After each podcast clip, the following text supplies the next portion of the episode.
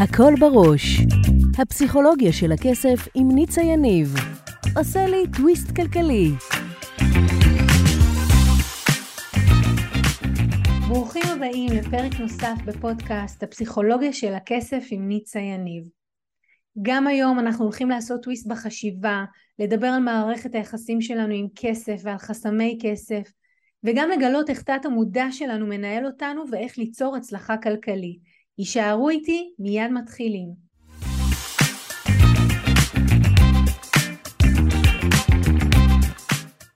כמו בכל פעם, אנחנו הולכים לדבר על הפסיכולוגיה של הכסף ונבין על איזה קולות בתוך, בתוכנו מדברים או מנהלים אותנו עם כל מה שקשור לכסף אה, ונקבל כלים לנהל כסף במקום שהוא ינהל אותנו. אה, היום אני מארחת את פרח בשארי. פרח, ברוכה הבאה. ברוכה נמצאת. תודה רבה. פרח היא אה, קוסמטיקאית מדעית קלינית והיא משלבת גוף ונפש והיא הבעלים של קליניקת לבל. ואני הזמנתי היום את, את פרח לכאן אה, כדי באמת לאפשר למי שמאזין לנו הצצה לנושא שכל בעל עסק מתמודד איתו בכל חודש. פרח, תגידי לנו מה הנושא. איך להגיע לסוף החודש בלי לחץ. ממש. אז אנחנו הולכות לעשות היום איזשהו מסע שבו אני הולכת אה, להשתמש בכלים הטיפוליים, גם האימוניים שלי, ואנחנו נאתר את חסמי הכסף שגורמים לפרח.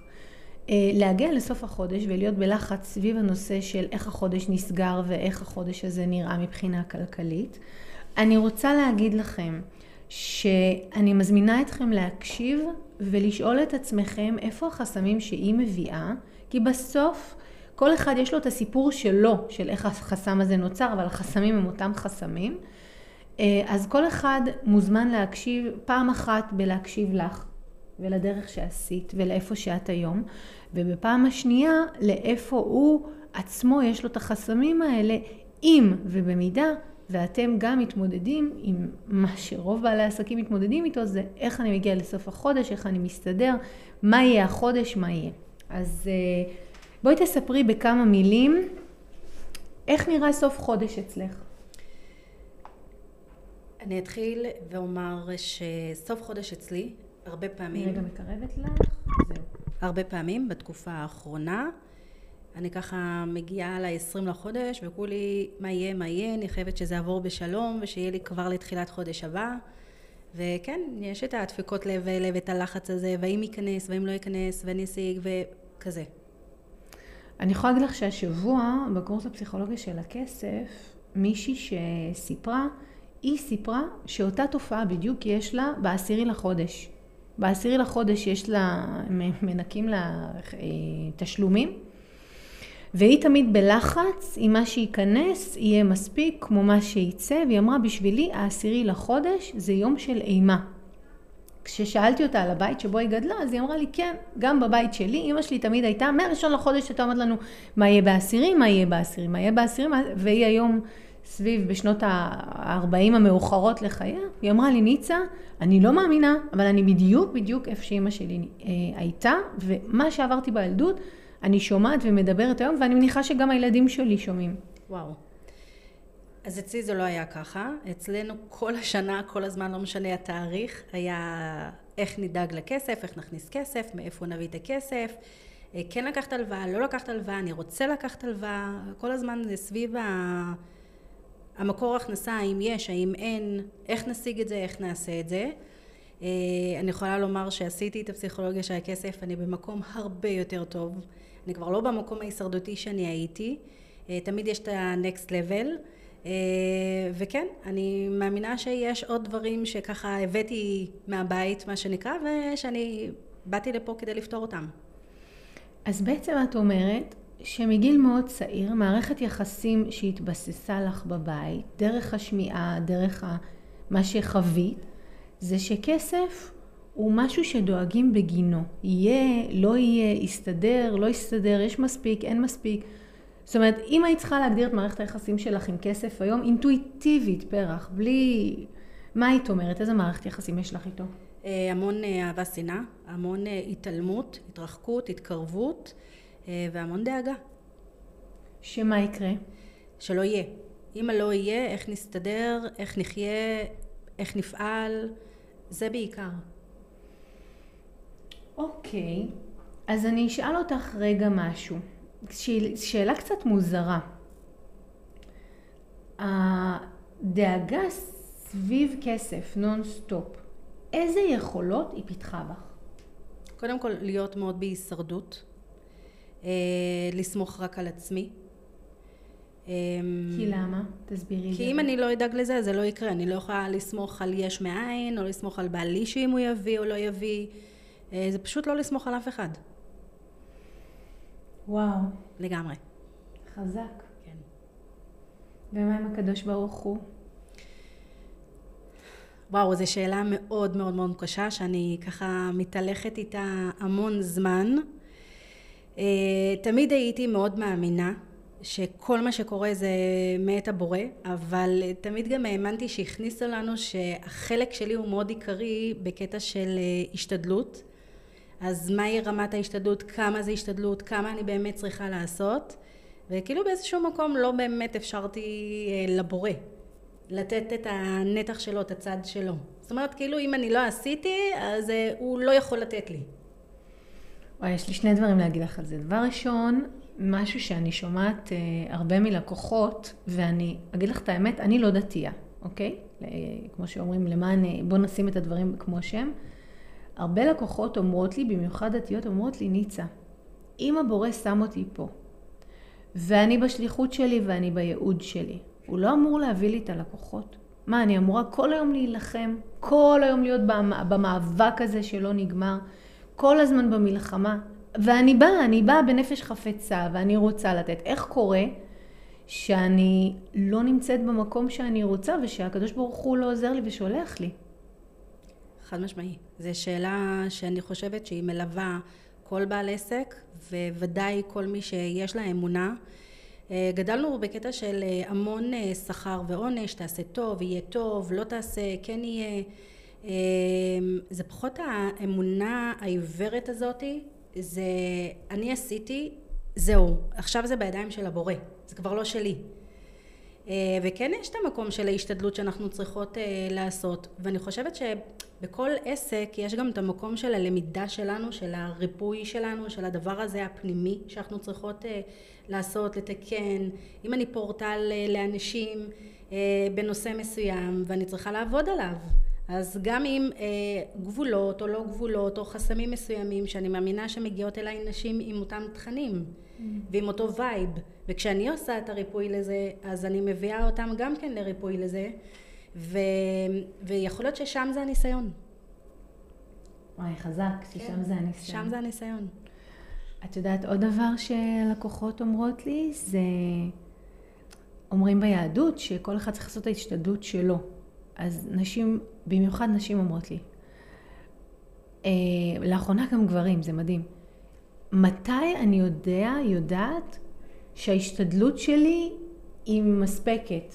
זאת אומרת, אולי זה לא מגיע כי לא השתדלתי מספיק ואני צריכה פה להשתדל יותר, אולי אם אני אשתדל יותר אז, אז משהו יקרה.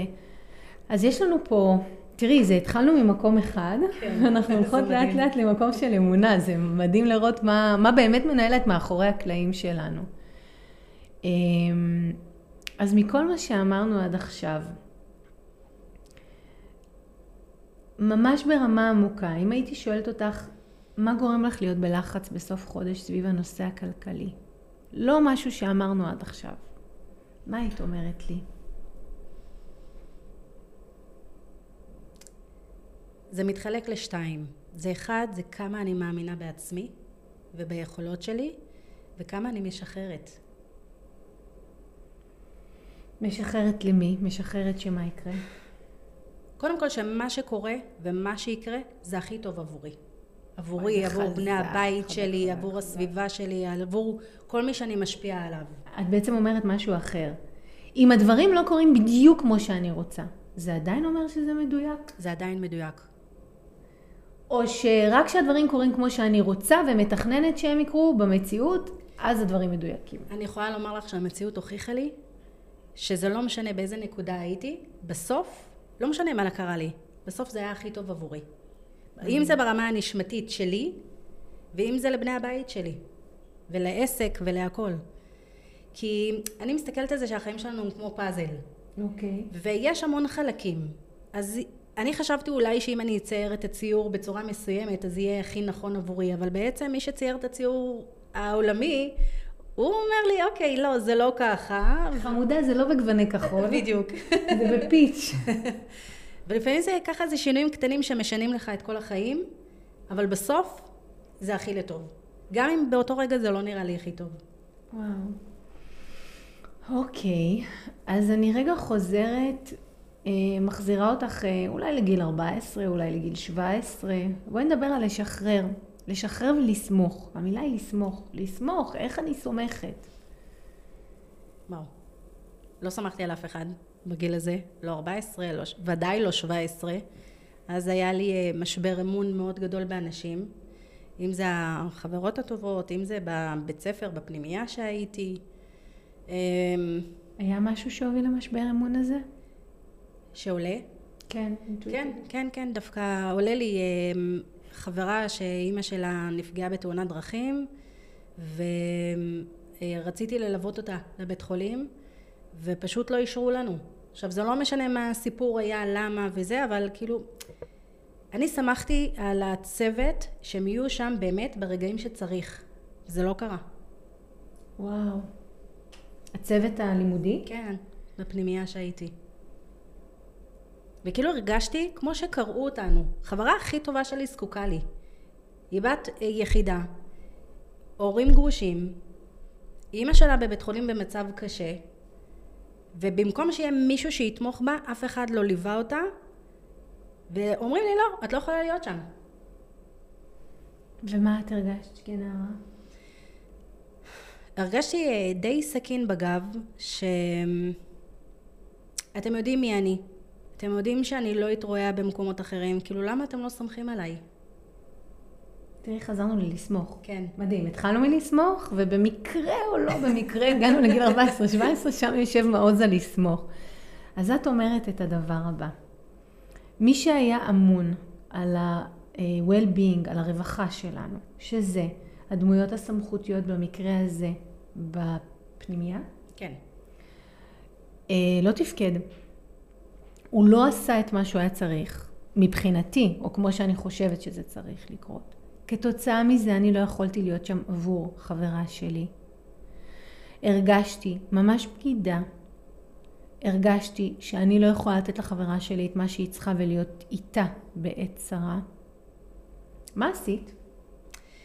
האמת היא, חזרתי לפנימייה. זה מצחיק לספר את זה בשידור, אבל אני אספר שבפעמים אחרות, פשוט, אה, זה נקרא בשפה העממית, התפלחתי. הייתי פשוט בורחת. וואו. כאילו, אתה, אתה מגיע לשלב שאתה מרמה כדי להשיג את מה שרצית, ולהיות במלחמה, וזה לא... מאבק. ממש. אז התפלחת והלכת לחברה? ברור. לי זה לא היה ברור, אוקיי. אז הלכת, וכמה זמן נעדרת מהפנימייה? אמ, השתדלתי בכל הזדמנות שאפשר, כאילו מצידי זה גם היה עד הערב, עד, עד ממש הנעילת שערים, ואז הייתי חוזרת. ותמיד היה באמתחתי סיפור מאוד מוצלח למה לא הייתי. ותפסו אותך? לא, מעולם, אף פעם. אף פעם. וואו. מאותו רגע שזה קרה, אינטואיטיבית, כמה את מרגישה שיכלת לסמוך על ה... נקרא להם על המבוגרים האחראים. מעולם לא. אז זה היה האירוע שממנו אחר כך אי אפשר היה לסמוך גם על דמויות סמכותיות. זה מחזיר אותי טיפה אחורה. אמ, כשהייתי קטנה יותר, מקרה שקרה לאבי, שאריך ימים ושנים, שהוא אה, נתן הלוואה, זאת אומרת הוא חתם על הלוואה מאוד גדולה לחבר קרוב. הנה כבר אנחנו מדברים כסף, לסמוך, כן, ואז בגידה. הוא פשוט אה, נעלם, סוג של עקיצה, וכל החוב נפל על אה, אבי. ו, וגם שם זה היה סוג של מאז שהייתי קטנה, אה, אי אפשר לסמוך על אף אחד. אין להאמין באף אחד. ודאי לא בנושאים של כסף. וואי, אני חייבת, אני חייבת רגע לעשות, אה, לשים את הדברים כהווייתם. אז יש לנו פה אישה מאמינה, דתייה מבית, שגודלה וחונכה על ברכי להאמין ולסמוך. שהולכת לפנימייה דתית, ומרגישה שהיא לא יכולה לסמוך שם על הצוות החינוכי. בבית שהיא גדלה בו, בלי קשר אליה, ההורים מרגישים שהם במאבק הישרדותי מתמיד סביב הנושא של כסף. אבא שלה, שהוא כל כך יקר לה, ממקום שהוא סומך, מלווה כסף, ולא רק שלא מחזירים לו, אלא עוקצים אותו, ואת ההשלכות של אה, אי העמידה בפירעון, הם אתם כמשפחה נושאים. כן. ובמקביל, עדיין יש את הקשר עם הקדוש ברוך הוא, ויש את להאמין ולסמוך, וש... אה, איך אתם אומרים את זה? שמראש השנה עד ראש השנה... אה, מוקצב לאדם. מוקצב לאדם כל מה שיקרה? טוב, והמזונות, כן. תשרי, כן, מכל המזונות שלו. אמ, אז בעצם זה גם נמצא ונוכח. אז מצד אחד מחנכים ומגדלים אותך, תראי איזה קונפליקט פנימי היסטרי. עכשיו בוא נוסיף על זה שהשיחה שלנו היא חסמי כסף, ואבא שמח והאמין, וכמה זמן הוא שילם את החוב הזה? וואו, זה היה שנים. אני חושבת מעל שבע שנים. וואו. לא, זה היה מעל שבע שנים, כן. הוא מחזיר את החוב, כן. שבכלל לא הוא... לא שלו. לא שלו. כן, חוב אבוד. לגמרי.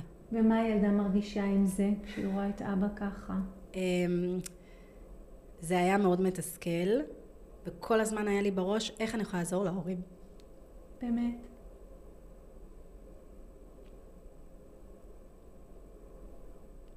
כי על מה כאב לך?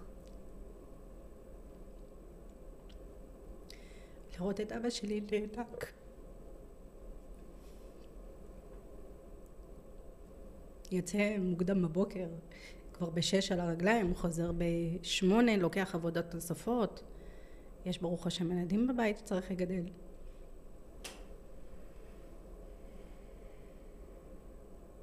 זאת אומרת, זאת אומרת שבעולם שלך, כסף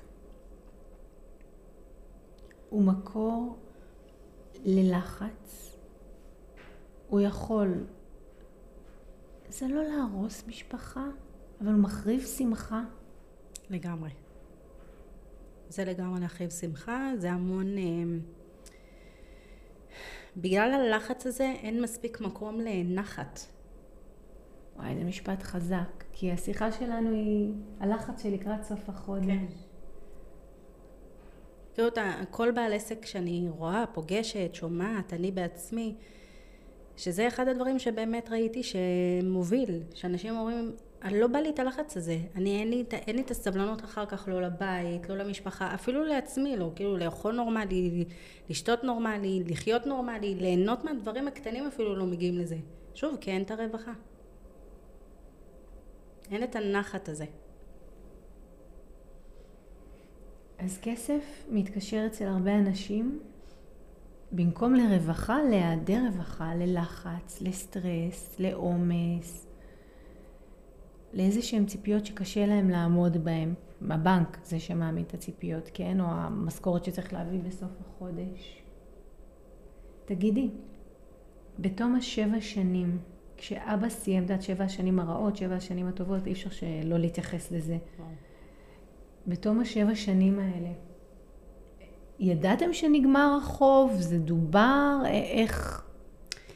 זה, זה סוג של דובר לא דובר, זאת אומרת, מ, אף פעם לא דיברו איתנו במיוחד על כסף, תמיד דיברו על אין, זאת. אומרת זה היה כן יותר אה, ב vibe הזה, זה גם חזק. אה, אבל כשזה הסתיים, כן אה, ראיתי סוג של רווחה אצל אבא שלי, הוא היה יותר נינוח, אבל מהר מאוד הגיע הנישואים של האחים הגדולים, אז חזרנו לשוב רוטינה, לאותו מצב. זה אותו מצב. עכשיו אני אשאל אותך שאלה לוגית פרופר. ילדה שגדלה בבית, שאבא חווה עוול, בוא נאשים את הדברים בשמם. מבחינתו הוא צריך להחזיר חוב אבוד שהוא בכלל לא שלו. ששמו את המשפחה במצב של אה, קושי, של מתח, היעדר רווחה. איך האבא הזה, שמגדל ילדה, וכל בני הבית רואים את זה, איך את לא תגדלי להיות בלחץ מהסגירה החודשית? חד משמעית. עשית פעם את החיבור עשיתי. בין הדברים? עשינו, עשינו בקורס המדהים שלך, של הפתיחת שפע. אה, נפגשתי בזה המון במהלך אה, חיי. אה, אבא, זה הדמות הסמכותית, המשענת. אה, זה תמיד מתקשר גם לבעל. זה מתקשר לקדוש ברוך הוא. גם הקדוש ברוך ברוך הוא אבא. ואז כשאני רואה שהם בקושי, או כשאין לי את האפשרות לסמוך במאה אחוז, אז גם שם אני לא סומכת במאה אחוז. מה זה לסמוך במאה אחוז? אם אבא שלך, ורגע נסתכל מעיניים של ילדה שמסתכלת על אבא, אם אבא שלך, שהוא אמור להיות החזק, היכול, המסוגל, עבר עקיצה, איך את יכולה להישען אחורה ולהגיד אני סומכת על השיפוט שלו? עכשיו זה לא לגמרי. שהוא עשה משהו, כן? הוא בעצמו עבר את ה... לגמרי. ואז זה נשאר, חזרנו להתחלה, שאני לא סומכת על אף אחד. זה רק על עצמי. זה אם אני אעשה, אם אני אדאג, אם אני אביא, אז זה יהיה. ואם לא? אז אין. זה קרה לי כששברתי את היד. מה קרה לך? שנה שעברה. אז אה, באמת, אה, מה שנקרא, נפלו לי כל האסימונים האלה, זה כמה באמת זה אני. כמה באמת זה המקום שלי עם מעניין, זה ההשתדלות. בידיים שלי. זה בידיים שלי. תמיד אמרתי בידיים שלי והרגשתי הוזלת. יד. וזה היה המקום של לשחרר, ושם זה היה המקום הכי גדול שלי לסמוך, אני אומרת את זה בכל הזדמנות שיש. אה, זה עדיין עבודה. זו עבודה. אז אה, אני רגע שואלת אותך, הילדה הזאת, אם היא הייתה יכולה להגיד לאבא משהו מהמקום שהיא נמצאת היום, מה היא הייתה אומרת לו?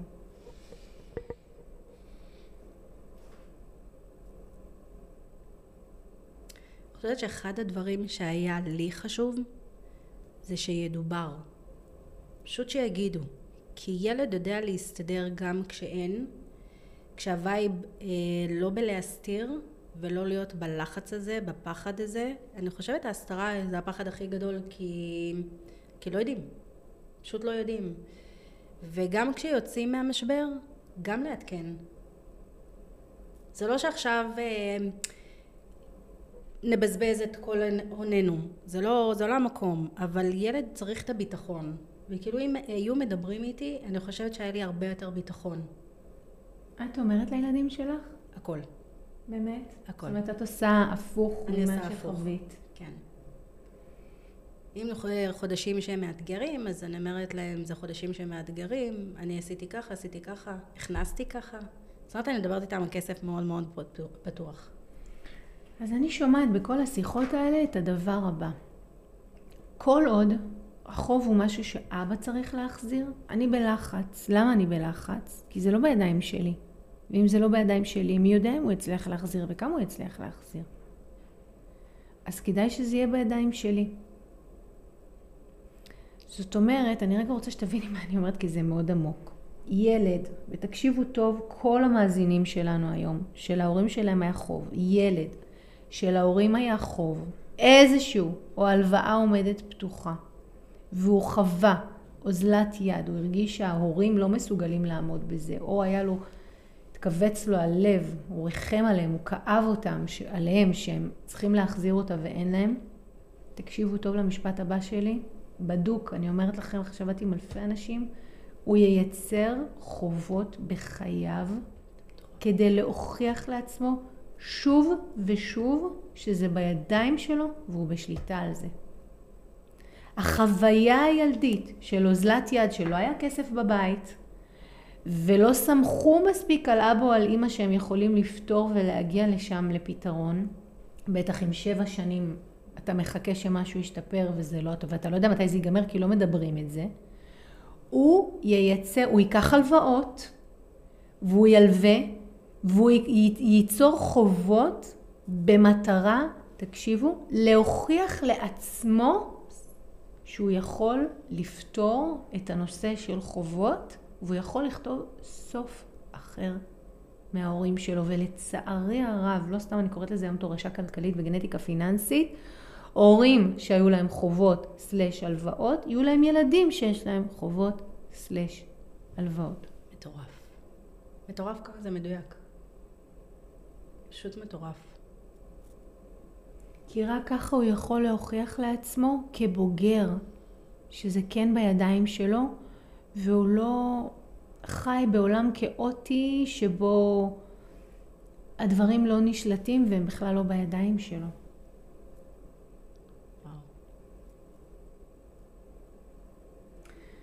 אז אני מחזירה אותך שוב למה ששאלתי. אם היית יכולה היום להגיד לאבא משהו, כילדה, אבל מהמקום של החוכמה שצברת בדרך, שהיו לך חובות והלוואות, שכפלת את זה באיזושהי רמה ופתרת את זה. כן. מה היית אומרת לו?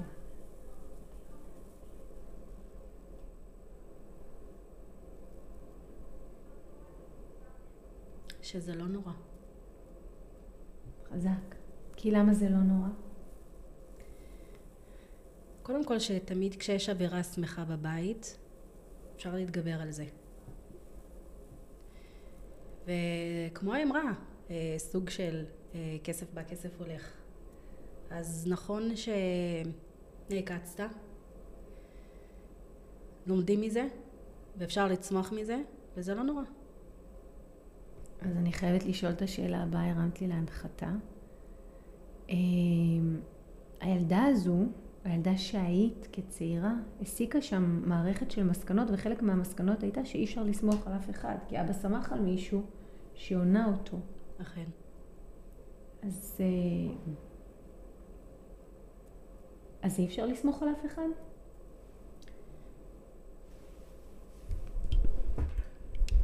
אפשר לסמוך או אי אפשר לסמוך?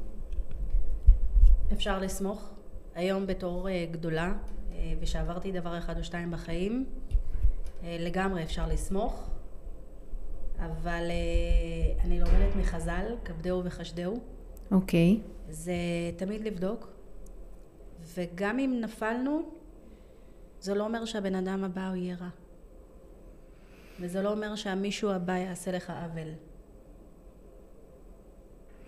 אז אני אגיד את הדבר הבא. המטרה של הלחץ בכל סוף חודש היא להשאיר אותך דרוכה, לא לסמוך על אף אחד. כי אם בילדות, אני תכף אגיד את זה במילים אחרות שוב, אם בילדות החוויה הייתה שאי אפשר לסמוך על אנשים, אז כשכסף מקושר ללחץ, מקושר לבגידה, אז זה שם אותך כל הזמן באנגלית אומרים fright of light, מצב חירום.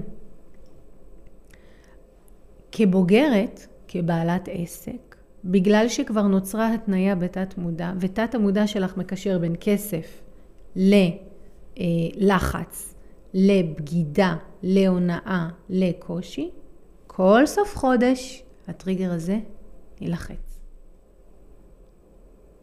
שלום הטריגר. שלום לטריגר ולהתראות לטריגר. בדיוק. זהו, מה שנקרא, הכרנו מספיק שנים ויאללה ביי. יאללה ביי, תתקדם. זה טריגר חזק. מאוד. שמתסכל. מאוד מתסכל. למה הוא מתסכל? כי באיזה לופ הוא משאיר אותך? בהישרדות. ממש. זאת אומרת, שאם הייתי שואלת את הילדה הזאת, לפני השיחה שלנו כאן היום, אם היא מוכנה לסלוח לאיש הזה שגנב לאבא את הכסף, כי הוא גנב באיזושהי רמה, אנחנו לא יודעים, אולי הוא לא התכוון לגנוב, כן, אבל הכסף לא חזר. לפני השיחה, אם היא הייתה מוכנה לסלוח לו, מה את אומרת? היא הייתה אומרת כן או לא? חד משמעית לא. לא. לא. לא. ואחרי השיחה שהייתה לנו היום, מה את אומרת? האם הילדה הזו, תקשיבי, החוויה הזו עיצבה את היחס שלך לכסף, היא קבעה כמה שמחה תהיה במשפחה, היא, אבא שלך עבד ימים כלילות עולה לי, מרגיש לי, שנים, בשביל להחזיר, ולימים, כשהוא סיים להחזיר את הכסף, בגלל שהוא כבר נוצרה אצלו התניה והוא היה מורגל בלהיות בסטרס סביב כסף, נכנסו חובות חדשים ועוד הפעם לא היה לו כסף. אז אם הייתי שואלת את הילדה הזאת היום, האם היא הייתה מוכנה לסלוח לאיש הזה? מה, מה, מה היית אומרת? אמ, זו שאלה שהיא מאוד קשה. היא מאוד מאוד מאוד קשה. זאת אומרת, אם אני אהיה כנה עם עצמי, אז עולה לי להגיד לך לא. כן. עולה לי להגיד לך לא. אבל uh, בתור הסתכלות של בן אדם בוגר, אני מבינה שאפשר גם אחרת. Um, ואפשר לפתור את זה. אפשר לפתור את זה, כמו בפסיכולוגיה של הכסף שעשיתי, וזה היה ריפוי מטורף. Um, אז התשובה היא נורא חצויה. אני רוצה אז להגיד לך משהו כדי לעזור לך עם הקונפליקט הפנימי, עם המאבק בפנים. בכל רגע, בכל דקה, בכל יום שאת לא סולחת לאדם הזה, ובלסלוח לו, לא להגיד שמה שהוא עשה היה בסדר, אלא לשחרר את הכאב, יש שם הרבה מטען של כאב, את ממשיכה ומייצרת לעצמך סטרס סביב כסף. סולחת. רגע, אני אסביר לטובת מי שמקשיב. כי אני אסביר לך למה. בעצם, זה שאת מחזיקה את הזיכרון ואת הכאב, זאת אומרת לו, פגעת בנו, אני לא אסלח לך ואני לא אשכח לך, אתה הרסת לנו. ואני מחזיקה את ההרס הזה בלב שלי והוא הולך איתי בכל דקה ובכל רגע. אבל כשאנחנו עושים את זה, אנחנו גם דנים את עצמנו לחיות שוב ושוב את הכאב הזה. את זה שכסף הולך עם בגידה, וכסף הולך עם כאב, וכסף הולך עם אה, עקיצה, וכסף הולך עם היעדר שמחה. ובעצם מאז אותו גיל, זה משהו ש... שהולך ונבנה. עכשיו אני רוצה להראות לך משהו מעניין, אני לא יודעת אם חשבת עליו. אם כשאבא נתן לו את הכסף והוא חווה שם את, ה... אה, את התקיעת סכין בגב, את הבנת כילדה ואבא הבין שאסור לסמוך על אנשים, אחר כך בשלב הבא נקפוץ לגיל 14-17 שדיברנו על הפנימייה, וגם אני בטוחה שהרבה פעמים גם אחרי, קורים לך דברים עם כסף שהם לא סבירים.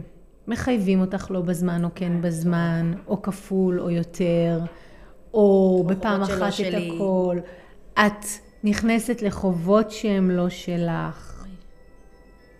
כל הדברים האלה נמצאים שם כחלק ממי שאת וכחלק מהחיים שלך. אז זה משהו שהוא לא מרפה ממך. וכל הדברים האלה מלווים אותך כבר הרבה שנים. וזה מה שקורה כשאת לא סולחת לו. את, את עשית שם, נוצרה, זה לא את עשית, שום דבר לא נעשה שם בצורה מודעת. תחשבי על סרט, ולסרט יש כיתוביות.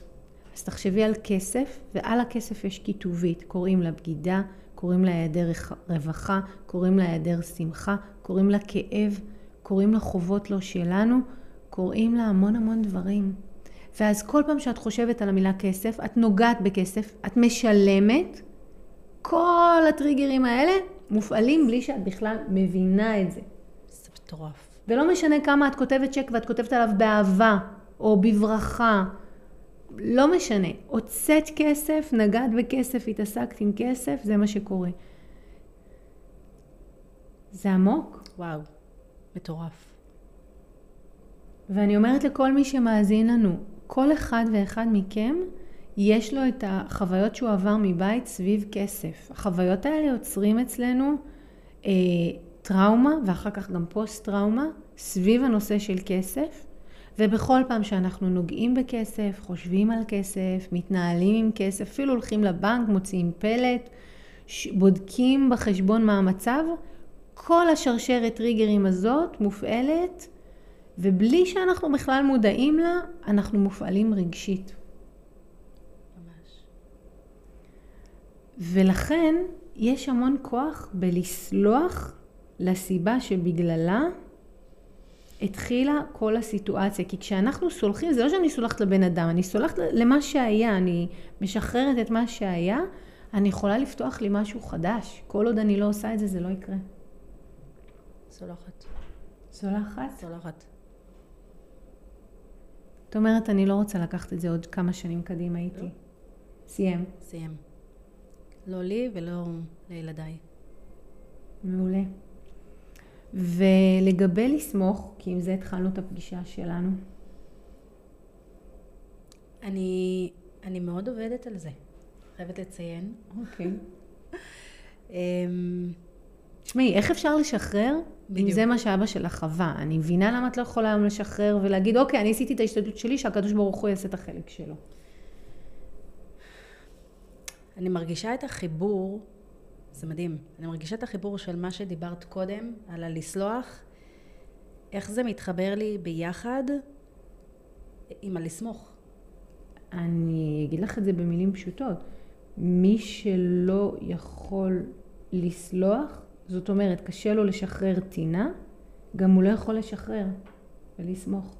הבנת את החיבור? כן. זה חיבור עמוק. כן. בשני המקרים אני צריכה לשחרר. אני צריכה לשחרר טינה כלפי אדם שפגע ועשה עוול, ובמקרה הזה אני צריכה לשחרר ולהגיד, אוקיי, עשיתי את ההשתדלות שלי, הקדוש ברוך הוא, עכשיו פה אתה נכנס ואתה עושה את החלק שלך. כן. וואי, זה מרגיש טוב בלב. לשחרר זה קל, זה תמיד מקל, אתה תמיד מרגיש טוב בלב. זהו, רזיתי כמה איזה קילוגרמים עכשיו. אז זה להסכים שבשביל לשחרר, מה שאני צריכה לשחרר בראש ובראשונה זה את הכאב ואת הטינה שאני מחזיקה כלפי אדם מסוים. לגמרי. אז מה הבנת עד עכשיו, במילים שלך? אם אני לוקחת את זה ככל הסיפור הזה, זה בעצם הבנתי אותי, איך הייתי ילדה, למה בעצם החיים שלי נראו ככה, למה הגעתי... ממש ל- תרחיבי, את יכולה, יש לנו זמן. איך הייתי ילדה ומה הבנתי כילדה? כל הזמן ההישרדות הזאת, וכל הזמן ה... גם לא להיות במקום שלי כילדה, כדי כל הזמן לחשוב על ההורים, ואיך לעזור להורים, ואיך לחסוך, ואיך לא לבקש שום דבר. לא יכלת להיות ילדה, היית סוג של מבוגר אחראי. כן. כמו שאמרת, רציתי לעזור להם. מאוד. הזכיר לי אפיזודה נורא מצחיקה, שמצאתי 50 שקלים סגולים של העבר, שזה היה המון, ונורא כזה התחבטתי עם עצמי, האם להשאיר לעצמי או לתת להורים שלי, וזה פשוט היה עניין של שבריר שנייה, שפשוט נתתי להורים שלי. וזה היה סכום עתק בזמנו. וואו. כן. אבל כן, איך בתור ילדה, ואיך שאני לא ילדה, לא מבקשת, אה, כשנותנים לי, אז זה תמיד היה עם חשש, שלא נתנו לי יותר מדי על חשבון. וואו. זאת אומרת, נוצר שם איזה חיבור בין כשנותנים לי, זה בא על חשבון היקרים לי. לגמרי. וואו, זה חזק. אגב, זה החסם, כסף, הכי גדול שמונע מאנשים להרוויח כסף, שתדעי. אנשים שמאמינים שכשהלקוח משלם להם, זה בא על חשבון המשפחה שלו, לא יהיה לו, אז הם פשוט לא, קשה להם מאוד לקחת כסף. וואו, לגמרי. אה, ובאמת שלא סמכתי על אף אחד, כי בעצם היקרים לי שהם עמדו בסיטואציה לא פשוטה, אז אה, לא שיתפתי, לא ביקשתי, לא יכולתי לסמוך עליהם שהם ייתנו לי, כי גם אם אני אבקש אני יודעת שאין. אז זה היה באמת אה, קשוח. אה, החיים אחר כך בתור אה, בוגרת ונשואה, ואותו דבר שאתה מביא את זה הביתה. לבעל גם פחות לבקש, שמא יגיד לך לא. אה, אם זה בעסק, שוב, פחות אה, ל- ל- לדרוש נגיד, או לבקש, או להציע סדרות, או כזה, כי שוב, אולי יגידו לך לא. כל המקום הזה. זה היה המון המון המון אה, כעס פנימי. למה לא עשית? אפילו זעם בעיניי. כן. זעם, תסכול ענק. תסכול, תסכול עצום. זה למה לא עשית אז, למה לא התקדמת, למה לא לקחת את עצמך בידיים. זה כל הזמן, זה הביקורת העצמית הגדולה הזו, ההרסנית הזו. אמ, אז אני רוצה רגע לשאול שאלה, ככה לקראת סיום, מהקשבה למה שאת הסברת. ואגב, זה חסם כסף מאוד גדול. ילד שהתרגל, שכשהוא מבקש מההורים, או עדיף שהוא יימנע מלבקש להורים כי אין להם מספיק, או אם הם נותנים לו זה בא על חשבונם או על חשבון האחים שלו. איך הוא יכול לבקש מהקדוש ברוך הוא שייתן לו? וואו. אתם מבינים את החיבור? מי שיש לו התניה פנימית שאומרת, כשאני פונה לברי סמכה, לדמות הסמכותית מעליי, להורים שלי, למיטיבים שלי, ואני לא יכול לפנות אליהם ולבקש מהם, כי אין להם, ידם אינה משגת. ואם אני מבקש והם נותנים לי, זה בא על חשבון אחרים שמפסידים בגלל זה. קשה לו עד בלתי אפשרי מבחינתו לפנות לקוסמוס, ליקום, לקדוש ברוך הוא, כל אחד עם מה שהוא עובד, ולהגיד, תנו לי. כי הוא לא מאמין שגם אם הוא יבקש, יהיה להם לתת לו, וגם אם הם ייתנו לו, הוא כל הזמן בסטרס פנימי, הנה המילה סטרס והלחץ, על חשבון מי זה בא. לגמרי. והאם באמת ייתנו? כן. והאם באמת הוא יקבל. שימי לב שהמיקוד שלך כל הזמן הוא לא את, את לא מדברת מה אני אקבל, זה האם הם ייתנו, את כל הזמן בהם, יש להם, אין להם, הם ייתנו לי, הם לא ייתנו לי, אין שם שום מיקוד באני הפרטי של מה אני הפרטי רוצה ומתאווה אליו. אבל זה מה שקורה כשגדלים בבית ועוברים חוויות כאלה, שאתה, באמת המיקוד שלך הוא שלא יחסר להורים, שיהיה להם, שהם יהיו בטוב. אתה לא מתמקד במה אתה רוצה, אתה מתמקד במה הם יכולים לאפשר לעצמם, כי גם אתה לא רוצה לתסכל אותם. כי מה עכשיו תבקש מההורים ואין להם, אז הם סתם ייכנסו לתסכול, אז עדיף שלא תבקש. לגמרי. לגמרי.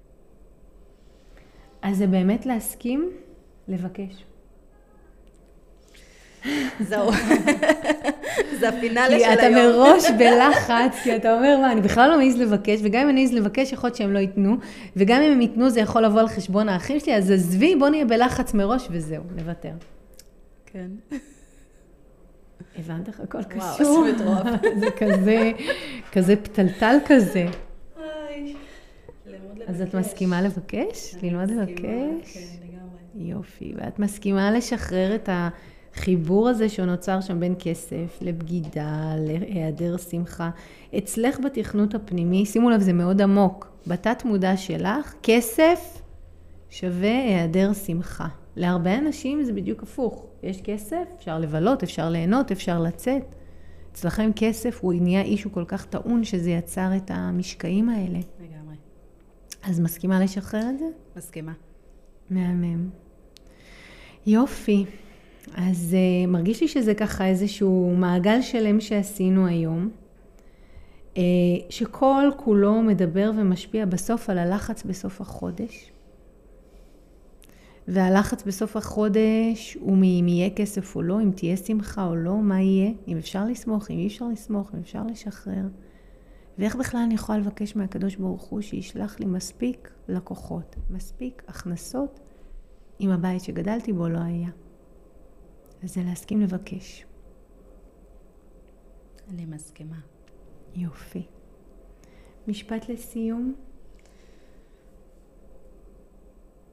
קודם כל, שתודה לך. בשמחה. זה מדהים, זה פשוט מדהים אותי כל פעם מחדש, מעריצה שלך, את יודעת. זה מדהים תודה. אותי כמה, כמה זה חזק, כמה זה עוצמתי, כמה...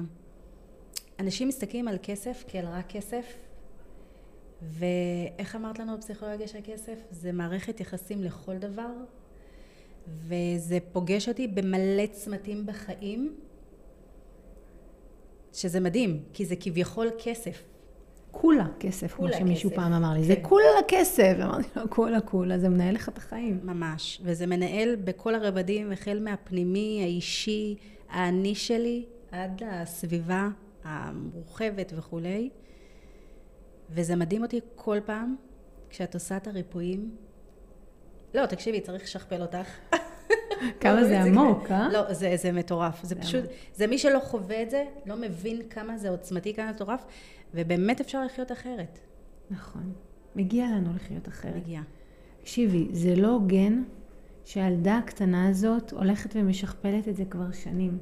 וכל מה שצריך זה לשים את האצבע על הטריגר הזה, לעשות שם סדר, לנקות, לעשות את הפעולה שנדרשה, וזה הסכמת היום לעשות. סלחת לאדם הזה.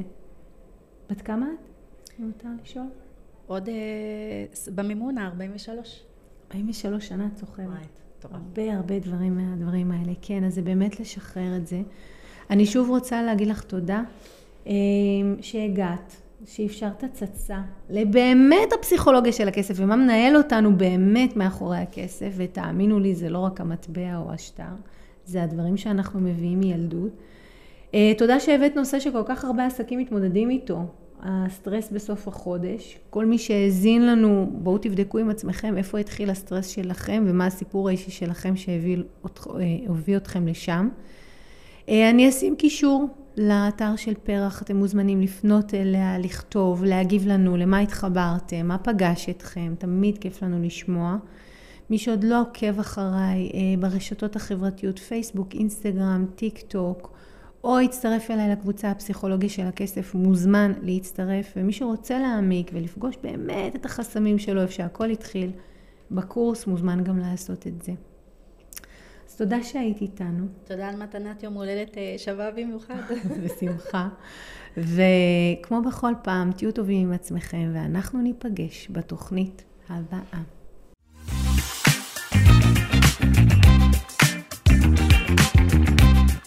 אם אהבתם את הפרק, שתפו אותי למה התחברתם, ממש מעניין אותי לשמוע. אם בא לכם ללמוד עוד על הפסיכולוגיה של הכסף, הנה המקומות שאתם יכולים להתחיל בהם. באתר ניצayaniv.com תוכלו להזין לתוכנית הרדיו השבועית שלי שנקראת הכל בראש וגם להצטרף לקבוצת הפייסבוק שלי הפסיכולוגיה של הכסף עם ניצה יניב. אם אתם עדיין לא עוקבים אחריי בפייסבוק, באינסטגרם או ביוטיוב זה בדיוק הזמן לעשות את זה. אלה מכם שרוצים להעמיק אתם יכולים לפגוש אותי אחת לחודש במפגשים הקבוצתיים לאימון בלייב או להצטרף לקורס המקיף לשחרור חסמי כסף. תמיד תזכרו, השינוי שלכם עם כסף מתחיל כאן, במקום שבו כסף ותודעה נפגשים. ניפגש בפרק הבא.